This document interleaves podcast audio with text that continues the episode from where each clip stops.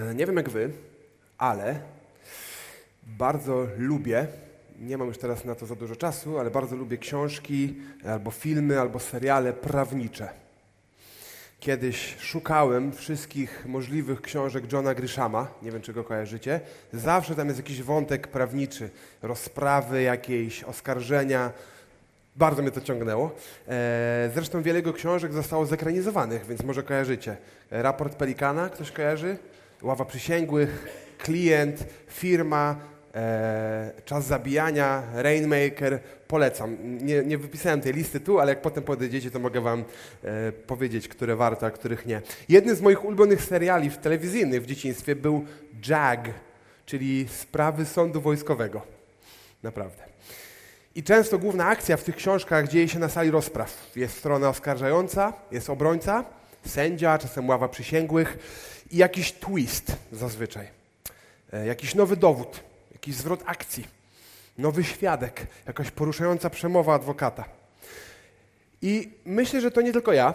Ostatnio e, była dosyć głośna w mediach sprawa sądowa Johnego Deppa i Amber Heard, e, do tego stopnia, że miała ona miliony wyświetleń. Rozprawa sądowa miała miliony wyświetleń. E, mówiło się o tym, widziałem, że ktoś tam komentuje, tłumaczy zawiłości prawnicze tej, tej całej ich sprawy rozwodowej. E, nie, nie była rozwodowa, nieważne. E, myślę, że lubimy oglądać tak z boku wymiar sprawiedliwości. Może, może, nie te roz, może nie te rzeczy, o których mówiłem, może sędzia Anna Maria Wesołowska ktoś. Lubimy to oglądać z boku, ale myślę, że jeżeli nas to dotyczy, to już nie jest tak przyjemnie. Chyba tylko raz byłem w sądzie, byłem świadkiem i to nie było przyjemne. Już samo otrzymanie listu z wezwaniem było stresujące.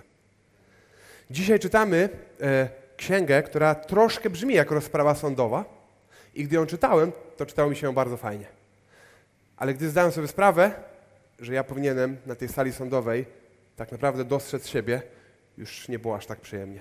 Oskarżycielem, można powiedzieć, jest Bóg. On zeznaje, przeciwko stronie oskarżonej. On wnosi zarzuty i stroną oskarżoną jest Boży lud. Cały Izrael, szczególnie czasami wymienieni kapłani, którzy są odpowiedzialni za składanie ofiar. Lud, który jest nazwany tutaj nieufnym, niewdzięcznym, czasami nawet gorzej. I to nie jest typowa rozprawa sądowa oczywiście, to tylko moje skojarzenie, ale tak jak u Johna Grishama jest twist. Czytamy dzisiaj księgę Malachiasza. Jesteśmy w okresie wakacyjnym, dlatego sporo osób jest, które są u nas przejazdem, więc dwa słowa wstępu chociaż. E, dwa lata temu mniej więcej rozpoczęliśmy omawianie ksiąg biblijnych w całości i teraz dzisiaj docieramy właśnie do księgi Malachiasza. Jest to ostatnia księga z serii 12 ksiąg proroków mniejszych, które gdzieś tam chyba na początku tego roku zacząłem omawiać. I Muszę przyznać, że niektóre z tych ksiąg proroków mniejszych sprawiały mi więcej kłopotów, inne mniej. Ogólnie jestem zaskoczony pozytywnie, wczytując się w te księgi. I jest to też ostatnia księga Starego Testamentu, tego jak mamy go poukładanego. Więc w naszej podróży e, w tych kazaniach, jedna księga na jednym kazaniu, mniej więcej 40 minut, e, przeszliśmy już dzisiaj, czy przejdziemy dzisiaj przez cały Stary Testament i przed nami 27 ksiąg Nowego Testamentu. Także tu jesteśmy. Nie wiemy dużo o kontekście tej księgi.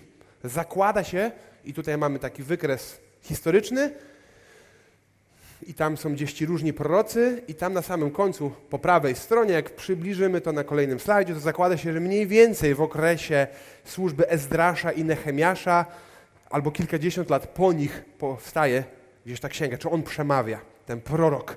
Jest to ostatni prorok Starego Przymierza przed ponad 400-letnim letnim okresem milczenia. Milczenia Boga w oczekiwaniu na kulminacyjny punkt jego historii. I nie mamy pewności nawet, czy Malachiasz to imię, czy po prostu zwrot, który oznacza mój posłaniec, czy Boży posłaniec. Ale, ale załóżmy dzisiaj, że to rzeczywiście imię Malachiasz. I stan w Izraelu w tym momencie jest taki, że wrócili oni z niewoli, świątynia jest odbudowana, kult Boga przywrócony, ale problem nadal jest. Problem w tym uwielbieniu, które wróciło, nadal jest. Pomimo, iż z zewnątrz wygląda to tak, jakby oni uwielbiali Boga, jakby czcili Go, to Bóg twierdzi, że tak naprawdę Go nie wielbią. Może wypowiadają właściwe słowa, może stosują właściwe formy, może trzymają się rytuałów, ale Bóg nie przyjmuje tego.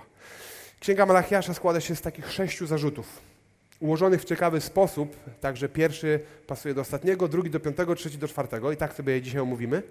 Ale będziemy śledzić temat ofiary w tej księdze, czy uwielbienia. Ofiary, którą składa Bogu lud. I Bóg odpowiada. I o tych trzech rzeczach powiemy. Po pierwsze odpowiada, nie potrafię cieszyć się waszą ofiarą. Po drugie, mówi, że zrobi tak, że będzie się nią cieszył. I po trzecie, mówi, sprawdźcie mnie, czy będę wam błogosławił i tą ofiarę mi złóżcie. I musimy dzisiaj czytać ten tekst w kontekście jego oryginalnym, ale śmiało możemy postawić się w miejscu odbiorcy. Czytać te oskarżenia jakby tak, że były skierowane do nas. Więc otwórzmy Księgę Malachiasza. Jak otworzycie w waszych Bibliach e, jakąś z Ewangelii, to trzeba po prostu wertować chwilę w lewo i w końcu do niej trafimy. Albo w swoich telefonach, albo będzie na slajdach. Nie potrafię cieszyć się waszą ofiarą. I ta pierwsza myśl to parafraza słów, które padają w dziesiątym wersecie. Nie potrafię się wami cieszyć, mówi Pan zastępów, i nie jest mi miła ofiara z waszych rąk. Jak obuchem w głowę Boży lud jest uderzony słowami zawiedzionego Ojca. Nie potrafię się wami cieszyć. Nie jest mi miła ofiara z waszych rąk. Problemem nie jest brak ofiar. Składacie mi ofiary, ale nie cieszę się nimi. Nie podobają się mi, nie sprawiają mi radości, nie uwielbiają mnie. I my to widzimy nawet w naszych relacjach. Pozornie bardzo fajny prezent męża do żony na przykład może nie mieć żadnego dobrego efektu, jeśli ich relacja jest popsuta. Jeśli jest to prezent może dany nieszczerze, może nie z serca, może zupełnie nietrafiony w to, czego ona chce czy potrzebuje. To powinno dać nam do myślenia. To, że można składać ofiary, które Bogu się nie podobają. Nasze ładne pieśni, dzisiaj akurat nie śpiewaliśmy, ale zazwyczaj śpiewamy bardzo ładnie, nasze ładne pieśni nie muszą być źródłem Bożej radości. Nasze modlitwy nie muszą być aktem prawdziwego uwielbienia. Nasza ofiarność, nasze wsparcie Kościoła, potrzebujących, prezentem dla nas samych mogą być, a nie dla Boga. Dlaczego? Co sprawia, że ta ofiara nie jest mu miła? I tak naprawdę musimy teraz prześledzić całą księgę. Sześć zarzutów, które porusza Bóg, Pojawiają się tam jego zalecenia, jego ocena sytuacji, można powiedzieć, ale przede wszystkim obnażenie postawy tego ludu, zarzuty oskarżającego. A więc pierwszy i ostatni. Będziemy troszeczkę skakali. E, mam nadzieję, że się nie zgubimy. Tak jak mówiłem, wersety są na slajdach. Pierwszy i ostatni dotyczą tego samego zarzuty. Nie ufają oni Bogu. Bóg zaczyna księgę od stwierdzenia potężnego. Wyrok słowo Pana do Izraela za pośrednictwem Malachiasza. Pierwsze zdanie wstępu. I jak się zaczyna ten wyrok? Jak się zaczyna to słowo Boga? Jak się zaczyna to przesłanie? Pokochałem was, mówi Pan. Pokochałem was. Hasło Bóg kocha może dla nas jest trochę wyświechtane. Może znamy Jana 3,16, albowiem Bóg tak umiłował świat. Może kojarzymy, nie będę śpiewał dalej. Czasem posługujemy się hasłem Bóg Cię kocha. Nawet kiedyś ich troje śpiewało piosenkę Bóg jest miłością. To hasło jest trochę wyświechtane, ale nie traktujemy tego zwrotu zbyt lekko. To nie jest wyznanie zakochanej pary, to nie jest dziecko, które chętnie mamie powie, jak ona go zapyta, no tak, kocham Cię mamo. To nie jest emotikonka serca wysłana w wiadomości gdzieś na jakiejś e, messengerze czy czymś takim, ale Bóg, Stwórca, Pan, Władca, Prawodawca, jedyny godny, chwały i miłości mówi: Pokochałem Was. I co oni mówią? Co ma o tym świadczyć? Nie widzą tego. Nie ufają mu, wątpią. I dalej twierdzą, że Bóg wcale im nie błogosławi. Ma błogosławi tym, którzy żyją po swojemu. Oni wręcz stwierdzają, że Bóg błogosławi chyba bezbożnym, a nie im. Widzą perspektywy tylko tu i teraz i stwierdzają, że tak po ludzku to to się może nie opłaca. My składamy tą ofiarę, gdybyśmy jej nie składali, to byśmy mieli więcej dla siebie. A Ty, Boże, błogosławisz tym, którzy nie są Ci wierni. Otóż twierdzicie, i to jest trzeci rozdział, służenie Bogu nie ma żadnej wartości oraz jaki pożytek przyniosło nam przestrzeganie Jego poleceń. Co mamy z tego, że chodzimy jak pokutnicy przed Panem zastępów? My teraz uważamy zuchwałych za szczęśliwych. Dobrze powodzi się także niegodziwym. Samego Boga wystawiają na próbę, a przecież uchodzi im to bezkarnie. I Bóg odpowiada im oczywiście na to. Mówi, może teraz tak to wygląda, może z waszej perspektywy tak to wygląda. Ja dotrzymam obietnicy, ja rozprawię się z bezbożnym i pobłogosławię wiernych. Lecz dla was, bojących się mego imienia, wzejdzie słońce sprawiedliwości. Z uzdrowieniem na swoich skrzydłach będziecie wychodzić w podskokach jak cielęta z obory. Ale kluczowe jest ich serce, ich zarzut do Boga albo ich postawa, ich brak zaufania. Bóg mówi, że nas kocha, ale czy na pewno? Bóg obiecał nas wspierać, ale czy na pewno to robi? Bóg teraz nie błogosławi nam tak, jakbyśmy tego chcieli, to po co w ogóle mu ufać? Po co mu wierzyć, skoro nie dostajemy w zamian tego, co byśmy chcieli?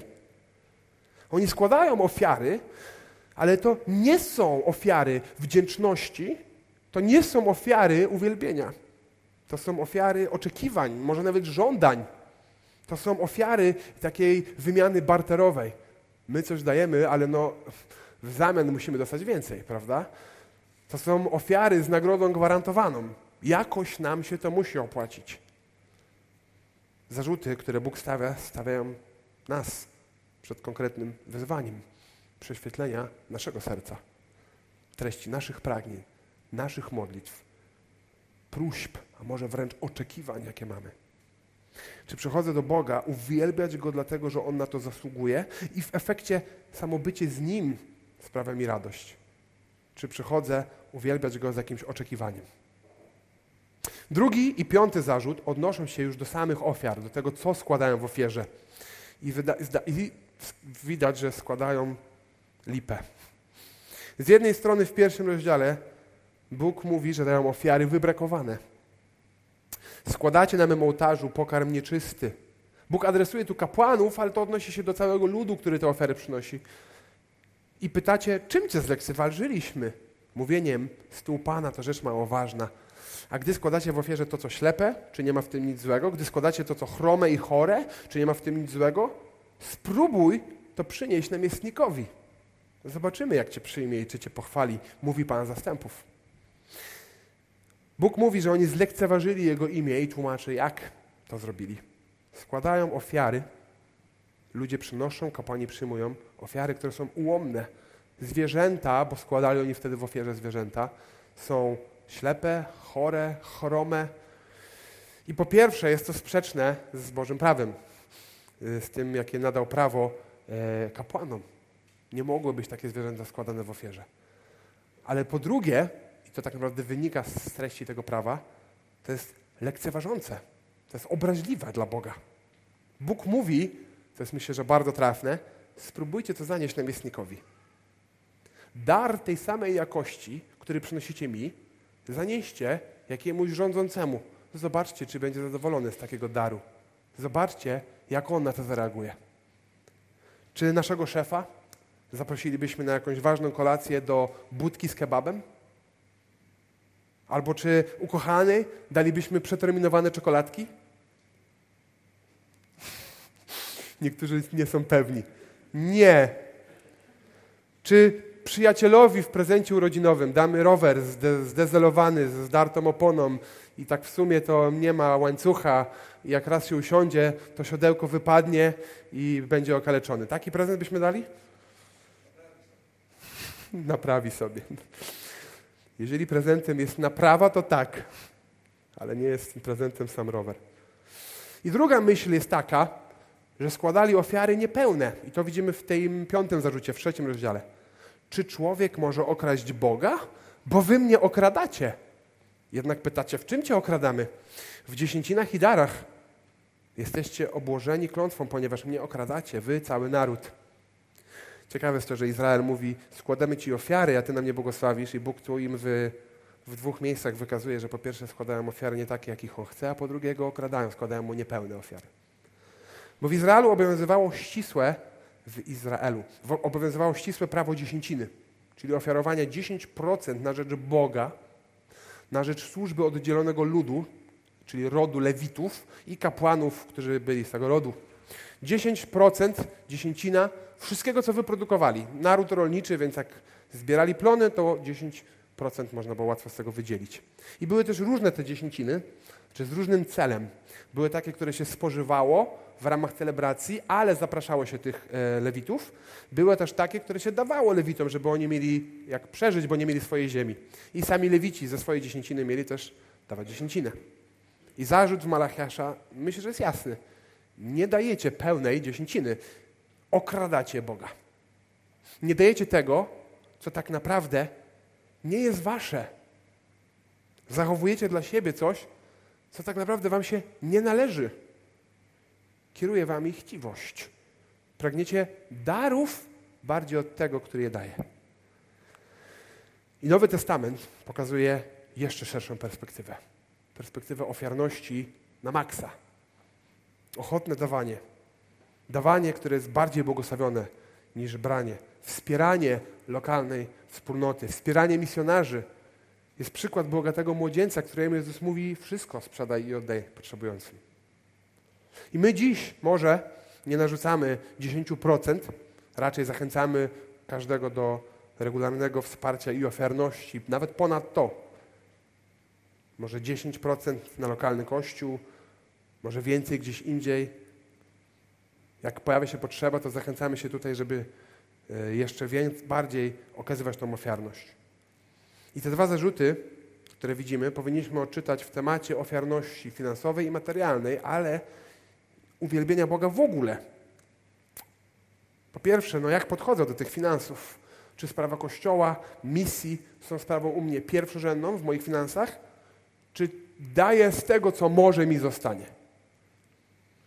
Czy daję poważnie, ofiarnie, przedkładając Jego sprawy ponad moje zachcianki zakupowe? Czy wręcz sięgam po awans, po podwyżkę, może po nową pracę? Nie po to, żeby swój standard życiowy podnosić, ale po to, żeby być bardziej ofiarnym dla Niego. Ale to samo pytanie powinniśmy zadawać w kwestii innych rzeczy. Tego, jak używamy nasze mieszkanie, nasz samochód, to, co posiadamy, tego, jak wykorzystujemy swój czas i oddajemy Bogu pierwociny, czy chrome resztki. Jak używamy swoje wakacje, swój urlop, swój odpoczynek, swoją celebrację. Czy nie jest tak, że ten zarzut o składaniu lichej ofiary dotyczy każdego z nas? Uwielbienia na tyle, na ile inne moje plany finansowe, życiowe na to pozwolą? Okradania Boga z tego, co i tak należy do Niego? I trzeci i czwarty zarzut dotyczą relacji międzyludzkich. Wychodzą poza to, co jest wewnętrzne, poza to, co jest w świątyni, poza te, można powiedzieć, duchowe rytuały, do takiej codzienności. I ten trzeci zarzut jest w drugim rozdziale. I tam adresuje on Judę, ale Juda to nie jest jedna osoba, tylko cały lud. Juda jest wiarołomny. Obrzydliwości dzieją się w Izraelu i w Jerozolimie. Bo Juda zbezcześcił świętość Pana, którą on kocha i pojął za żonę córkę obcego Boga. Niech Pan odetnie od namiotów Jakuba człowieka, który się tego dopuszcza, czynnie albo biernie, człowieka, który przy tym składa ofiarę dla Pana zastępów. A to kolejna rzecz, której się dopuszczacie. Zraszacie łzami ołtarz Pana, płaczecie i narzekacie, że już nie zwraca się ku ofierze i nie przyjmuje dobrowolnych darów z waszych rąk. I pytacie, dlaczego? Otóż dlatego, że Pan był świadkiem między tobą a żoną twojej młodości, której nie dochowałeś wierności, choć ona była twą towarzyszką i żoną przymierza z tobą. Więc on adresuje lud, który co robi? Który po pierwsze porzuca swoje żony, żony swojej młodości, przy których Bóg był świadkiem tego ślubowania, i po drugie bierze za żony kobiety wyznające innego Boga, wierzące w innego Boga. Drugi problem. I rozwód, który w wyjątkowych przypadkach, cudzołóstwo, zdrada, porzucenie z drugiej strony jest jakąś ostatecznością, oni traktują lekko. Powszechna praktyka rozwodu bez uzasadnienia pokazuje ich zepsucie. Zresztą rozwód standardem staje się w naszym świecie. Nie układało nam się, nie pasujemy, miłość się już wyczerpała w sumie. Koniec. Podobnie zresztą zaczyna myśleć w wielu miejscach niestety Kościół. I gdy my, tak sobie pomyślałem o tym w KNS-ie, pomyślałem sobie dlaczego. Dlaczego my chcemy poświęcić kolejne godziny na jakieś spotkania przedmałżeńskie, małżeńskie, indywidualne, grupowe, czy nie przesadzamy? Gdy jakieś małżeństwo przechodzi przez trudny okres, to czy ma to sens, żeby się angażować i walczyć o nich? I dochodzę do wniosku, że musimy to robić nie dlatego, że mamy takie widzimisię, ale dlatego, że mamy takiego Boga, któremu na tym zależy. I druga myśl to ślub z osobami, które nie wierzą w Boga, wierzą w innych bogów, w bożki jakieś, które będą odciągać ich serce od, od Boga, który też nierzadko jest czymś normalnym dzisiaj. Lubimy się, pasujemy do siebie, jesteśmy tacy zakochani w sobie. Czy naprawdę temat religii musi być czymś tak ważnym? Bez przesady. To znów myślenie, które pokazuje nieposłuszeństwo. Ten zakaz ślubów poza Izraelem w Starym Przymierzu, w Nowym Przymierzu Paweł przedstawia jako zakaz właśnie ślubu z kimś, kto no, nie wielbi Boga. Opisuje to jako ciągnięcie nierównego jarzma, które jest skazane na porażkę. I to myślenie, które spycha Boga do religii, spycha Boga poza moją codzienność, poza moje relacje, szczególnie poza tą najgłębszą małżeńską. I ten czwarty zarzut odnosi się też do relacji, ale szerzej niż do małżeńskich. W piątym wersecie trzeciego rozdziału Bóg zapowiada sąd, opisuje nad kim on będzie, albo przeciwko komu się sprzeciwia. Wtedy zjawię się u was na sąd i będę stanowczym świadkiem przeciw uprawiającym magię, czyli inny zwrot na właśnie to bałwochwalstwo, wiarę w jakieś lokalne kulty i cudzołożnikom, krzywoprzysięzcom, uciskającym najemnych robotników, przeciw gnębiącym wdowę i sierotę i upokarzającym cudzoziemców, a nie mającym bojaźni przede mną, mówi Pan zastępów. Bóg nie cieszy się ofiarą tych, którzy cudzołożą, którzy nie szanują małżeńskiego łoża, tego, w którym są już albo w którym może będą, tych, którzy sięgają czy to po pornografię, czy rzeczywiście sypiają z kimś, kto nie jest ich żoną, mężem. Nie cieszy się ofiarą krzywoprzysięzców, kłamców składających nieprawdziwe zeznania nieprawdziwe świadectwo przeciwko drugiej osobie, naginających prawdę pod siebie, oczerniających jednych i wybielających innych, uciskających najemnych robotników, wyzyskiwaczy, kierujących się chciwością, przedkładających sukces swoje korzyści ponad potrzeby tych, którymi zarządzają, którzy w niedzielę modlą się na głos, może bardzo ładnie, a w poniedziałek traktują podwładnych bez troski, miłości i szacunku ani tych, którzy gnębią wdowę, sierotę i upokarzają cudzoziemców, tych, którzy nie pomagają najbardziej potrzebującym w społeczeństwie, najsłabszym. Tych, którzy w sobotę pod nosem psioczą na ukraińską rodzinę, która sprawia, że w kolejce stoją dłużej w sklepie. I jeszcze ceny pewnie rosną przez nich czy coś. A potem w niedzielę chcą przyjść i Bogu śpiewać na chwałę. Bóg nie cieszy się swoim ludem. Jego ofiary nie są mu miłe ponieważ ten lud ma wykrzywiony obraz Boga, tak naprawdę nie ufa w Jego dobroć, składają byle jakie ofiary, nie ofiary z serca, ale po trzecie, to nie tylko te pionowe problemy rzutują na stan relacji z Bogiem, ale widzimy, że to oskarżenie, które on wysyła, które on przekazuje, dotyczy też tych relacji horyzontalnych, poziomych, międzyludzkich. I na takiej klasycznej rozprawie sądowej, z tego co wiem z filmów i z książek, adwokat obrońcy krzyknąłby sprzeciw. Wysoki sądzie, strona oskarżająca wychodzi poza zakres oskarżenia pierwotnego. I sąd pewnie by przyznał rację. Sprawa Bóg versus jego lud dotyczy no, uwielbienia Boga, nastawienia ich do Niego, modlitw, pieśni, obrządku, ofiar, o tym możemy rozmawiać. Ale jak jacyś ludzie są pokrzywdzeni przez innych ludzi, no to niech oni wniosą powód jakby roz... i będziemy mieli inną rozprawę. I myślę, że nasz świat bardzo często właśnie w ten sposób postrzega religię. To jest sprawa między Bogiem i mną. I jeśli jakaś religia wciska mi się w to życie prywatne moje, to ja podziękuję za to. W efekcie czego istnieją takie koncepcje jak wierzący, niepraktykujący, albo religia you do you, czyli rób co czujesz, rób jak uważasz, rób swoje. Ale Bóg nie jest zainteresowany tylko naszą religią, ale On jest zainteresowany naszym życiem. Jego prawo, Jego zasady, Jego charakter, który mamy naśladować, wychodzi daleko poza ołtarz i świątynię do naszego życia. Wychodzi poza to nabożeństwo, które tu mamy. Między 12.12 a 13.13. Różnie to bywa. Poza spotkanie mojej grupki, które mam w środę. Poza wyjazd zborowy, który tam jest raz na pół roku. Do naszej codzienności. I ja osobiście bardzo cenię to w chrześcijaństwie, że ono się wtrąca do mojego życia. Wtrąca się do relacji poziomych. Chrześcijaństwo takie, jakim określa Biblia, bycie uczniem Chrystusa. Ja cenię to, dlatego że ja potrzebuję tego. Ja potrzebuję tego. Potrzebuję wsparcia, kierunku, modelu dla relacji, które nie są tam przy okazji, one są ogromną częścią mojego życia. Czy ta relacja małżeńska, czy przyjaźnie, czy w pracy, czy z ludźmi dookoła, z kościołem i poza. Dlatego, że Bóg, który daje mi tylko wewnętrzną zmianę, a nie owoce, nie jest prawdziwym Bogiem. Nie może być prawdziwym Bogiem.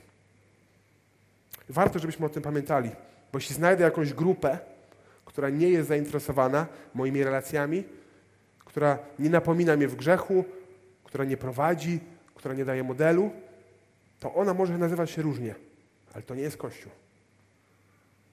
Warto, żebyśmy my tu poważnie traktowali siebie nawzajem w KNS-ie. Rozmawiali o świętości w naszych relacjach. Więc podsumowując ten pierwszy punkt i będą jeszcze dwa, ale krótsze. Spróbuję te 40 minut. Bóg postawił zarzut, sam jest świadkiem i pokazał dlaczego. On, Bóg, który postanowił pokochać swój lud, nie cieszy się ich ofiarami. Ich pieśni, ofiary, modlitwy, ich akty służby nie są dla Niego czymś, z czego On sobie odbiera chwałę.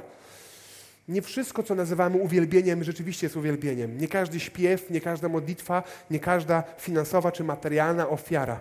Bóg jest uwielbiony, gdy Jego lud mu ufa, wierzy w Jego plan, jest wdzięczny za Jego miłość, kiedy składa mu w ofierze to, co najlepsze, i kiedy zachowuje świętość w relacjach z innymi, w małżeństwie, jak i poza, z braćmi i siostrami, z całym światem. I wyrok jest jasny. Wy, Izraelu, tacy nie jesteście. I mam nadzieję, że czujemy to napięcie, bo my też tacy nie jesteśmy. I pomimo, iż starałem się te zarzuty trochę kontekstualizować, e, tłumaczyć, to wniosek nie jest taki, żeby wziąć się w garść. Ale wniosek jest taki, że Bóg mówi, że ofiara będzie mu miła, gdy Pan przyjdzie. Wśród tych zarzutów około połowy księgi pojawia się obietnica. Zapowiedź czegoś, co będzie odpowiedzią na ten przedstawiony problem. Trzeci rozdział od 1 do 4. Oto ja posyłam mojego posłańca. On przygotuje drogę przede mną. A potem nagle przyjdzie do swojej świątyni Pan, na którego tak czekacie i posłaniec przymierza, za którym tak tęsknicie. Oto przychodzi, mówi Pan zastępów Lecz kto zniesie dzień Jego przyjścia i kto ostoi się, kiedy On się ukaże? Będzie On bowiem jak ogień złotnika i jak łuk pilśniarzy. Usiądzie, aby wytapiać i oczyszczać srebro. Będzie oczyszczał synów Lewiego, wytopi ich jak złoto i srebro, aż w końcu zaczną przynosić Panu ofiarę sprawiedliwości. I jak za dawnych, jak za dni dawnych, jak w latach wcześniejszych, znów miła będzie Panu ofiara Judy i Jerozolimy. Innymi słowy, Bóg sam oczyści uwielbienie swojego ludu kapłanów, którzy są pośrednikiem w składaniu ofiar, świątynię, miejsce uwielbienia Boga, ale jak wiemy z innych e, miejsc w Pismie Świętym, chociażby z Ezechiela, Bóg oczyści serce swojego ludu. Nie stanie się to wtedy, gdy Izrael znajdzie lepsze miejsce na świątynię, zacznie mocniej kontrolować swoje postępowanie, dostanie lepiej zapisane prawa, albo kapłanów z takim prawdziwym powołaniem – to nic z tego nie jest rozwiązaniem. Co się stanie? Po pierwsze, przyjdzie posłaniec. I na sam koniec tej księgi, już tam nie będziemy dzisiaj zaglądać, ale e, zachęcam do tego w tygodniu, ten posłaniec nazwany jest prorokiem Eliaszem. W Nowym Testamencie Jezus wskazuje, że to Jan Chrzciciel jest właśnie nim. Przyjdzie posłaniec przygotowywać, zapowiadać, prostować ścieżki. I potem przyjdzie Pan. Sam Bóg Jezus, który nie jest po prostu jakimś wysłannikiem, nauczycielem, prorokiem, ale Bogiem, który stał się człowiekiem, przychodzi do swoich i to On oczyści. On oczyści. Jak ogień, który wypala złoto czy srebro, tutaj czytamy. Podobnego obrazu używa apostoł Piotr w swoim liście, żeby opisać uszlachetnienie naszej wiary. Oczyści kapłanów, ale my wiemy, że w Chrystusie wszyscy jesteśmy Jego kapłanami. I znów będzie miła Panu ofiara Jego ludu. Pokochałem was. Wasza ofiara nie jest mi miła, ale ja sprawię, mówi Bóg, że będzie. Wyobraźmy sobie taką rozprawę sądową. Strona oskarżająca ma dowód za dowodem, za dowodem, kolejni świadkowie, kolejne argumenty. Oskarżony jest po prostu znokautowany. Sędzia w sumie już wspomniał, jakie są konsekwencje. Spodziewamy się, że wstanie i da wyrok. Spojrzy na oskarżonego, powie proszę powstać i mówi jest pan czy pani winny. Dożywocie w więzieniu o zaostrzonym rygorze. Koniec, rozchodzimy się. Ale wstaje i ma zacząć mówić i przyrywa mu oskarżyciel. Ten, który kładł dowód za dowodem, za dowodem. I mówi, ja biorę winę na siebie. Mogę stwierdzić tak dzisiaj, że tak w sumie to nie interesuje mnie to. Czy moje uwielbienie jest miłe Bogu, Stwórcy Wszechświata. Ważne, że ja jestem zadowolony z siebie. Ważne, że moje uwielbienie siebie mi się podoba. Że aktualnie się czuję dobrze, że w sumie to mi się teraz powodzi, ale wiemy o tym bardzo dobrze, że to jest życie puste, ponieważ istnieje wyższy autorytet. Istnieje ktoś, kto zna mnie lepiej, wie, co jest dla mnie najlepsze. Istnieje ktoś, kogo relacji potrzebuje ponad wszystkim innym. I nawet jak teraz bezbożnemu pozornie się powodzi, to ostatecznie mu się nie powodzi.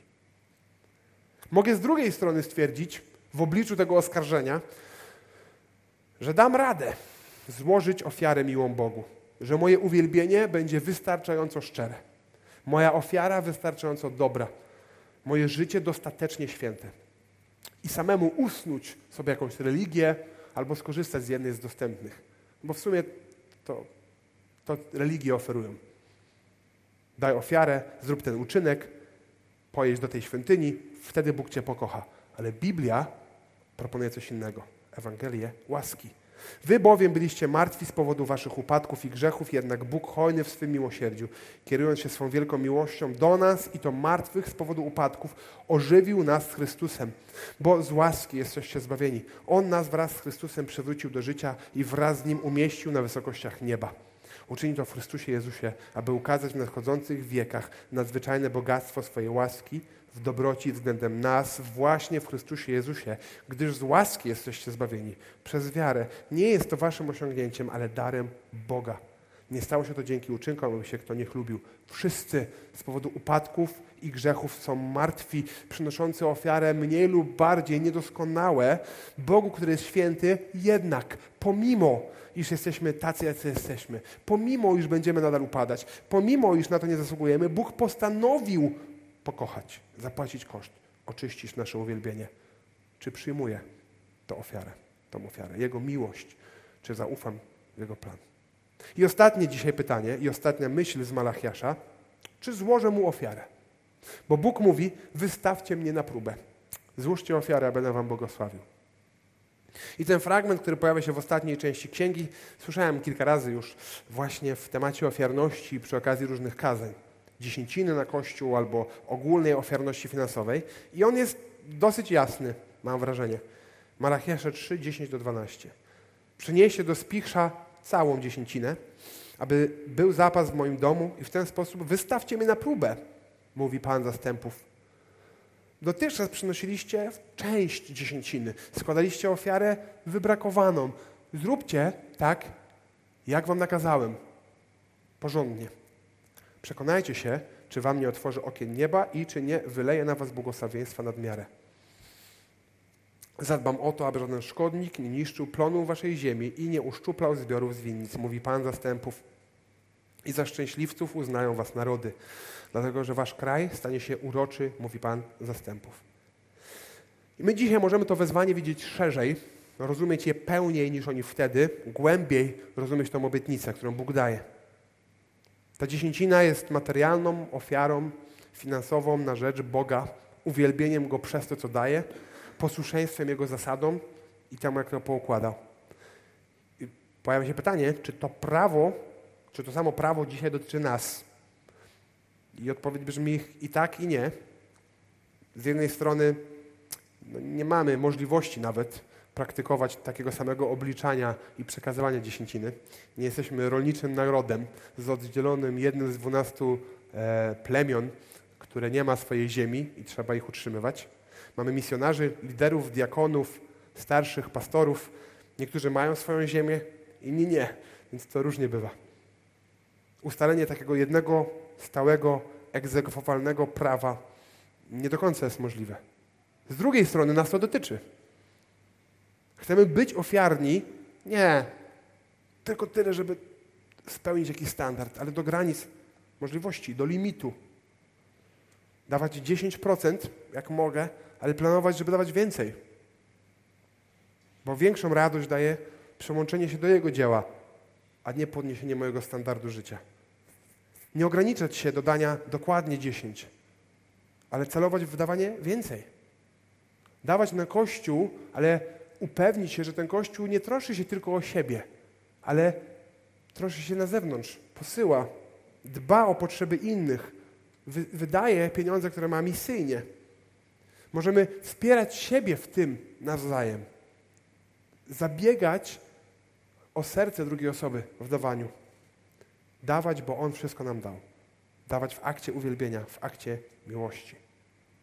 I gdy On mówi o ofierze, to ma na myśli tą materialną, ale ma na myśli coś więcej.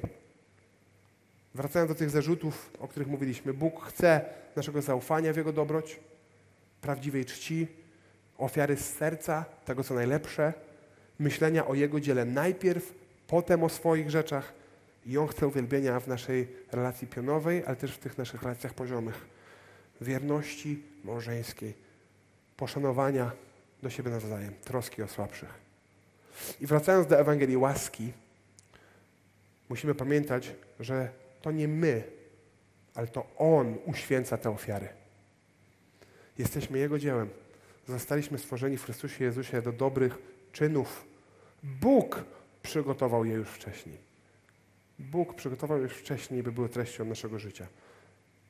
To jest Jego błogosławieństwo, że możemy dawać, że możemy służyć że możemy działać. On nie mówi, dajcie mi coś, co jest wasze, bo ja tego potrzebuję. On pobudza nas do dobrych czynów.